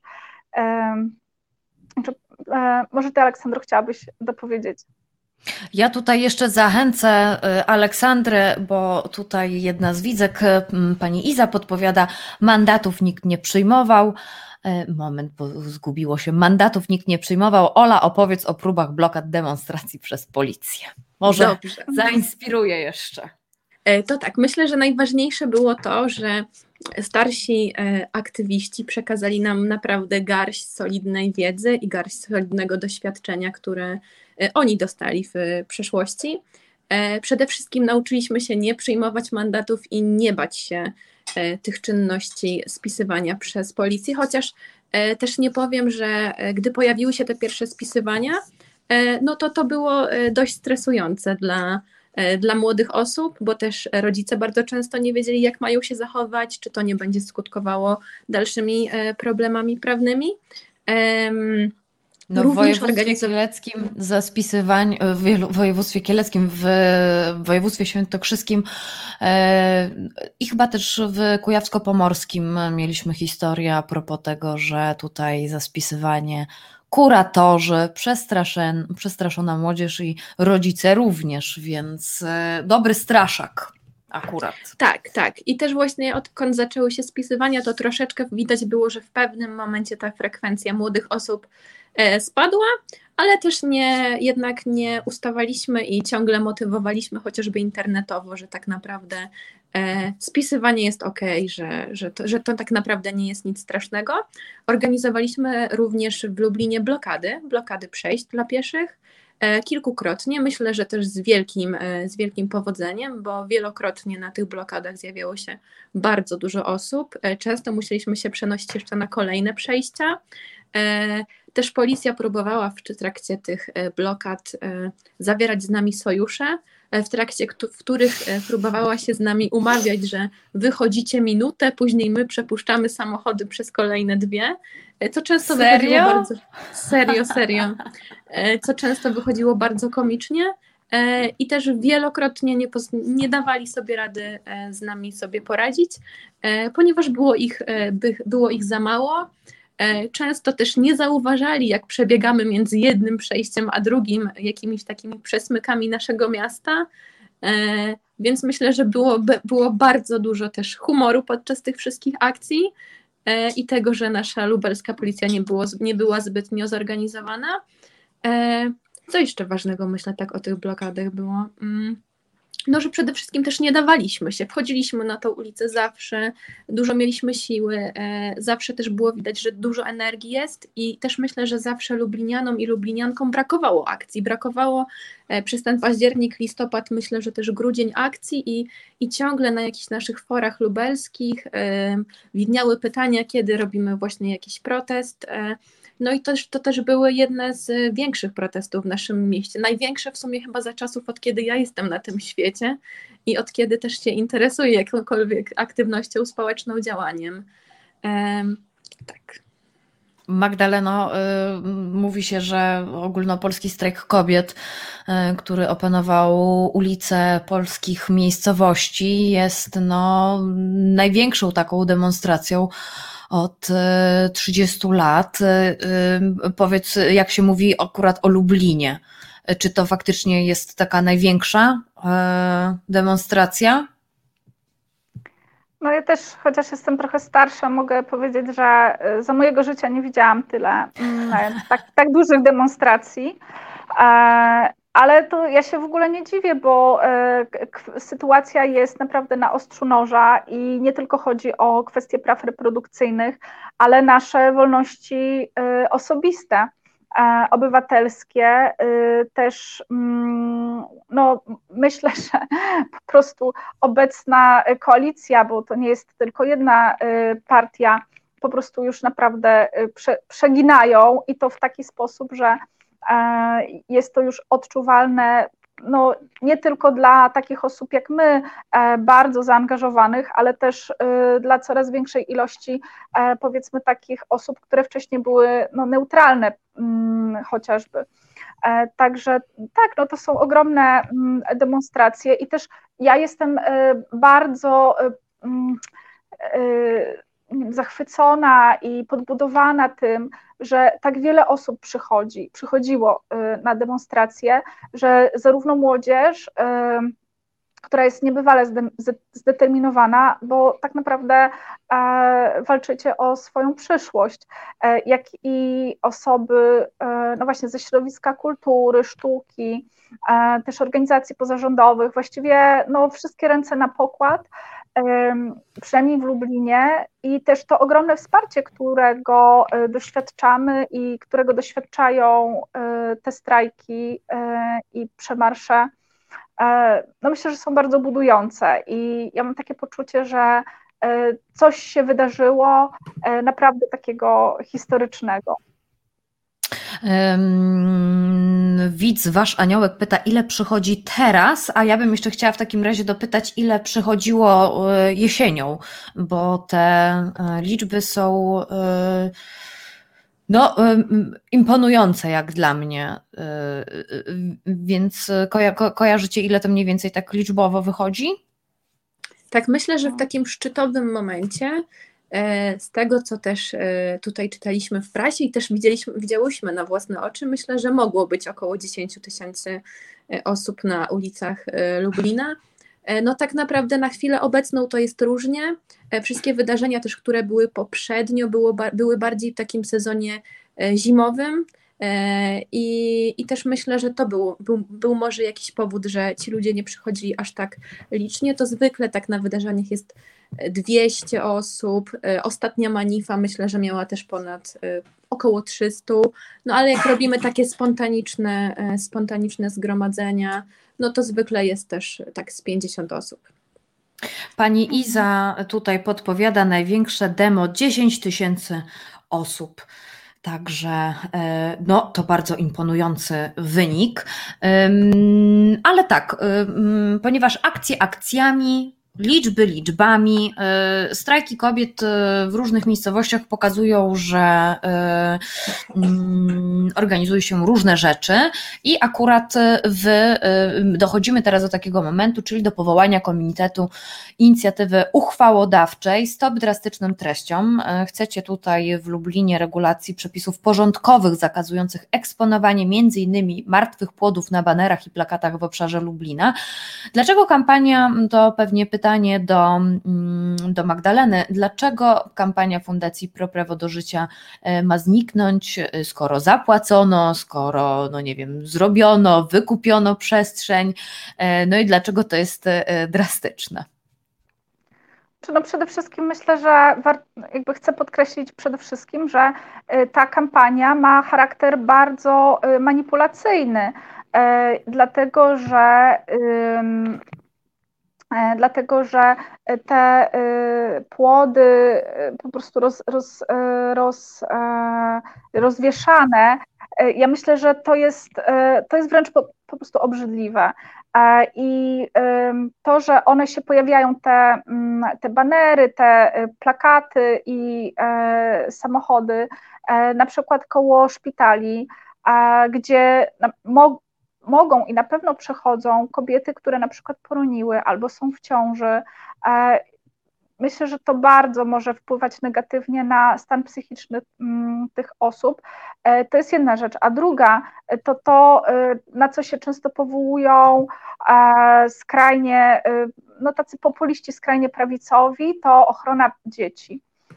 No ja myślę, że pokazywanie takich rozkrwawionych ludzkich członków nie jest e, dobrą strategią, żeby chronić e, dzieci, e, dlatego że no myślę, że mm, to nie, jest, to nie są odpowiednie treści i to nie są treści, które powinny pojawiać się w przestrzeni publicznej, właśnie dlatego, że to jest, to jest manipulacja i tak naprawdę nie ma to zbyt dużo wspólnego z ochroną życia bo y, aborcja jest, kobiety robią aborcję, e, niezależnie od tego, jakie jest obecnie prawo. Y, zresztą e, myślę, że e, no nie jest to jakaś wielka tajemnica. I mm, my się zdecydowałyśmy na podjęcie takiej inicjatywy po to, żeby bardziej przywrócić normalność e, i żebyśmy się nie musieli natykać e, na takie obrzydliwości. I też moim zdaniem to już jest naprawdę przesada. E, te akcje, takie też napastliwe bardzo, które no, są. Ja uważam, że są szkodliwe po prostu.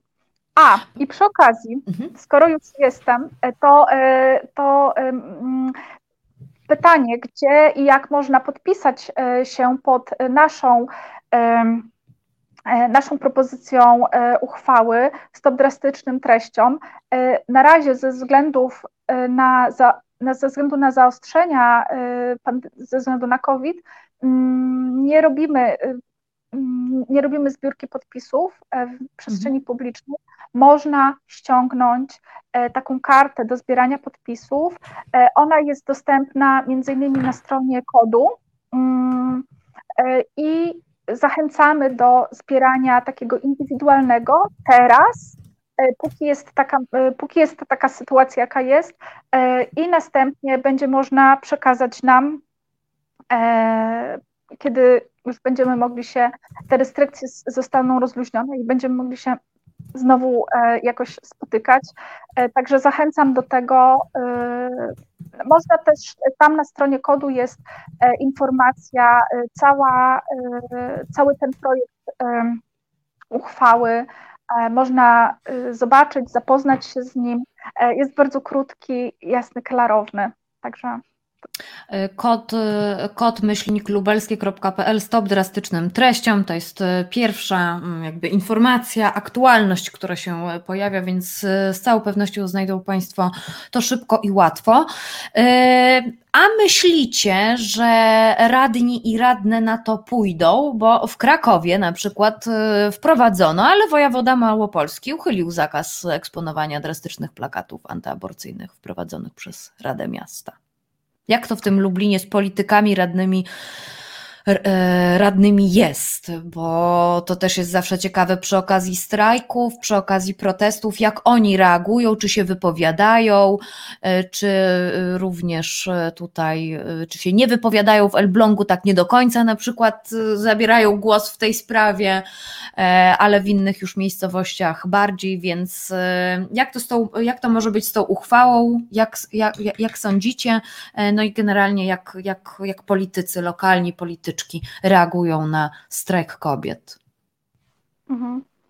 E, no cóż, ja liczę na e, wsparcie lokalnych e, radnych, ponieważ myślę, że te osoby też już są po prostu zmęczone tą sytuacją. Rada Miasta Lublin jest tak, tak, takie są, tak są rozłożone siły, że z dużą dozą prawdopodobieństwa e, taka uchwała e, może zostać zatwierdzona. To zobaczymy, jak wojewoda też zadecyduje, prawda? Natomiast no, trzymam, trzymam bardzo mocno kciuki. I skoro wcześniej tutaj mówiłyście o akcjach, o wystawie, która się nazywała Nigdy nie będziesz szła sama, bo rozumiem, że tak ona się nazywała dokładnie, że to jest dokładnie wiecie o czym chcę teraz tutaj nawiązać, mhm. do Galerii Labirynt, prawda? E, to w, ogóle, to w ogóle był taki przyczynek do e, zaproszenia Lublina na rozmowę akurat o tym, e, bo funkcjonuje u Was Galeria Labirynt. No i z researchu wiem, że to jest takie dość ważne bardzo miejsce na mapie Lublina. Na jednym z portali lokalnych przeczytałam chyba sprzed dwóch lat, że chociażby na deskach Galerii Labirynt lubelska młodzież debatowała o tym, jak wyobraża sobie miasto w przyszłości. Jedno jest pewne, młodzi politycy, aktywiści, działacze społeczni chcą zmian, ale galeria Labirynt y, pojawia się na ustach y, nie tylko lokalnej prasy, ale również ogólnopolskiej. Y, no i właśnie dlaczego? Mm, opowiedzcie, opowiedzcie trochę o tych, mm, no tutaj o panu Tatarczuku i o tych wystawach Nigdy nie będziesz szła sama i jesteśmy ludźmi. To tak, e, przede wszystkim warto wspomnieć, że Galeria Labirynt jest jedynym miejscem e, dla młodych, którzy mogą przyjść, spotkać się, coś zrobić wspólnie w Lublinie. E, nie mamy takiej przestrzeni otwartej ciągle, gdzie, gdzie jest miejsce, żeby, żeby zaplanować akcje bądź żeby cokolwiek zrobić. Też myślę, że to stało się bardzo kontrowersyjne, ponieważ przed manifą tegoroczną e, z Galerii Labirynt e, wyszła e, wielka cipa, którą sfotografowali czy to też chłopcy z, z prawicowej strony, czy to też gazety. Dokładnie tego nie pamiętam i zrobiła się wielka, wielka burza, że, że w Galerii Labirynt lewackie bojówki obradują i przygotowują akcje. A tutaj też warto sprostować, że w Galerii, Labirynt e, każdy może przyjść, każdy może coś zrobić, każdy może się przygotować, każdy może odrobić lekcje, e, zrobić tak naprawdę e, wszystko.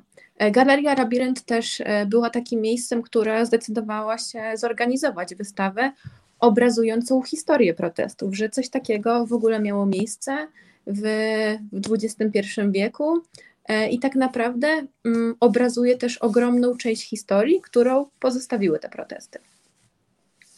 E, tak, na łamach, jeżeli chcą Państwo więcej e, powiedzieć, dlaczego trzeba zbierać tutaj strajkowe transparenty i wszystkie artefakty wokół tego, to pamiętam jakiś czas temu profesora Poprzęcka wyjaśniała to na dwutygodniku, na portalu dwutygodnik, więc mogą Państwo wygooglować i dlaczego akurat transparenty, no tworzymy teraz, tworzy się historia, nie tylko ze względu na liczby. Um, Przykre jest tą galerią Labirynt. Mnie to bardzo, mnie to bardzo zasmuciło, y, szczególnie, że tutaj y, pan y, Tatarczuk, no to on był świeżo po odebraniu nagrody Onetu i Miasta Kraków, olśnienia E, I tutaj taki cytat do nagrody nominowano go za błyskawiczną reakcję na rzeczywistość polityczną i społeczną, przygotowanie interwencyjnej wystawy, w której twórcy mogli wyrazić solidarność ze środowiskami LGBT oraz za wystawę dokumentującą ikonografię, hasła i język strajku kobiet. Więc e, bardzo przykre, ale wiemy, że Tutaj e, pan Tatarczuk będzie startować jeszcze raz w konkursie rozpisanym na szefa e, tutaj e, galerii. Magdaleno, uśmiechasz się, tak. chyba chcesz jeszcze coś dopowiedzieć. Tak, tak, bo ja przy tej okazji chcę przypomnieć, że Galeria Labirynt, y, której obecnie dyrektorem jest Waldemar Tatarczuk, od wielu lat y, jest y, taką prekursorką i przeciera szlaki, nie tylko mm, otwierając swoje mm, drzwi dla młdzieży, ale także po zorganizowanym kilka lat temu Kongresie Kultury zaczęto wprowadzać jako standard chociażby tłumaczenie na polski język migowy i w ogóle temat dostępności się pojawił. Co prawda, ten temat y, wprowadziła inna osoba, ale dzięki tej takiej otwartości, wizji, e, świeżości, mm, zarówno dyrektora, jak i e, ówczesnej kadry, która się składała, składała głównie z kobiet, e, to było możliwe, więc e, to jest mm, proces, który trwa już od wielu lat, e, proces otwierania też głów innym osobom i pokazywania, że nie można się bać, nie można się dać zastraszyć i trzeba walczyć o siebie, bo to procentuje. E, co prawda, owszem, w tym momencie e, kadencja e, dyrektora się no, zakończy. Waldemar Tatarczuk będzie kandydował, będzie startował w konkursie który, no, jak to konkurs, nie wiadomo, e, jaki będzie, jaki będzie wynik, jaki będzie rezultat, ale ja myślę, że e, warto jest zobaczyć, spojrzeć na e, tę sytuację z perspektywy tego, co się udało osiągnąć i tego, jaką zmianę to miejsce wprowadziło do Lublina i też do naszych głów. E, także ta e, wystawa właśnie interwencyjna nigdy nie będzie szła sama, też to pokazuje, ale jednocześnie Galeria Labirynt także realizuje swoją swój program standardowy, więc to nie jest tak, że e, to jest w galerii teraz jest tylko ta wystawa. Też Oczywiście wielkim skandalem e, okazała się, e, jak dla mnie, zupełnie taka normalna, neutralna wystawa e, e Karola Radziszewskiego i Maurycego Gomulickiego, e, którzy, no jeżeli e, znacie Państwo ich twórczość, można wygooglować, no to jest, to jest po prostu sztuka współczesna. No i okazuje się, że nagle Galeria Labirynt pokazuje pornografię, chociaż moim zdaniem to, co prezentują ci twórcy, no to jest ciało, to jest e, tylko pewnego rodzaju przenośnia. E, wiadomo, że na sztukę współczesną, e, jak w ogóle na sztukę, nie, nie patrzy się tak dosłownie. Więc myślę, że ten problem z dosłownością na przykładzie skandali takich wokoło Galerii Labirynt jest, jest w Polsce problem, problem z dosłownością. Także mm, ja też zachęcam do zapoznania się z programem e, i po e, pandemii, jak będzie można już przyjść, żeby zobaczyć e, inne też wystawy, które są no, bardzo dobre. Szanowne, musimy kończyć, więc jeszcze bym poprosiła Was o dwa słowa takiego, ja wiem, do boju, albo jak długo jeszcze będziemy musiały walczyć o nasze prawa. E, to, to już tak właściwie na koniec. E, Ola Bożęcka. No ja myślę, że będziemy walczyły i walczyli tyle, e, aż, albo aż do momentu, gdy ich nie wywalczymy i dopóki nie będą przede wszystkim pełne. Magdaleno? E, no, ja chcę powiedzieć, że ja też bardzo dziękuję tym osobom, które e, przychodzą i się włączają i są, e, bo ja myślę, że jakby w tej różnorodności jest największa siła. No i tak jak Aleksandra powiedziała, będziemy walczyć aż do skutku, albo jawnie, albo też zejdziemy do podziemia, tak czy inaczej nie poddamy się. Dziękuję. Tutaj y, widz Mars News mówi na nich do ataku i oczywiście mrugamy, y, bo to jest wojna y, w końcu, choć to nie, nie jest właściwie nic śmiesznego. Szanowne, bardzo, bardzo Wam dziękuję. Moimi i Państwa gościniami Magdalena Łuczyn z Manify Lublin, ale też jedna z inicjatorek uchwały Stop Drastycznym Treściom w Lublinie. Więcej na ten temat kotmyślniklubelskie.pl oraz Aleksandra Bożęcka z lubelskiego kolektywu Anka i wiceprzewodnicząca rzeczniczka Młodzieżowej Rady Miasta w Lublinie. Bardzo, bardzo Wam dziękuję. E, ściskam Was bardzo mocno i e, pamiętajcie, nigdy nie będziecie szły same. Dziękuję. Dziękuję. Dziękuję e, Państwu również za dzisiejszy program. To jest wojna. No, Proszę słuchać dalej w świat, proszę o łapki w górę, e, proszę również podsyłać znajomym nasz adres resetobywatelski.pl, proszę e, się dopisywać do spisu powszechnego, nie zapomnieć o tym, e, więcej o tym już zaraz, za chwilę, jak się Państwo teleportują do programu Aliny Czyżewskiej Kto pyta, ten rządzi, bo o spisie powszechnym będzie.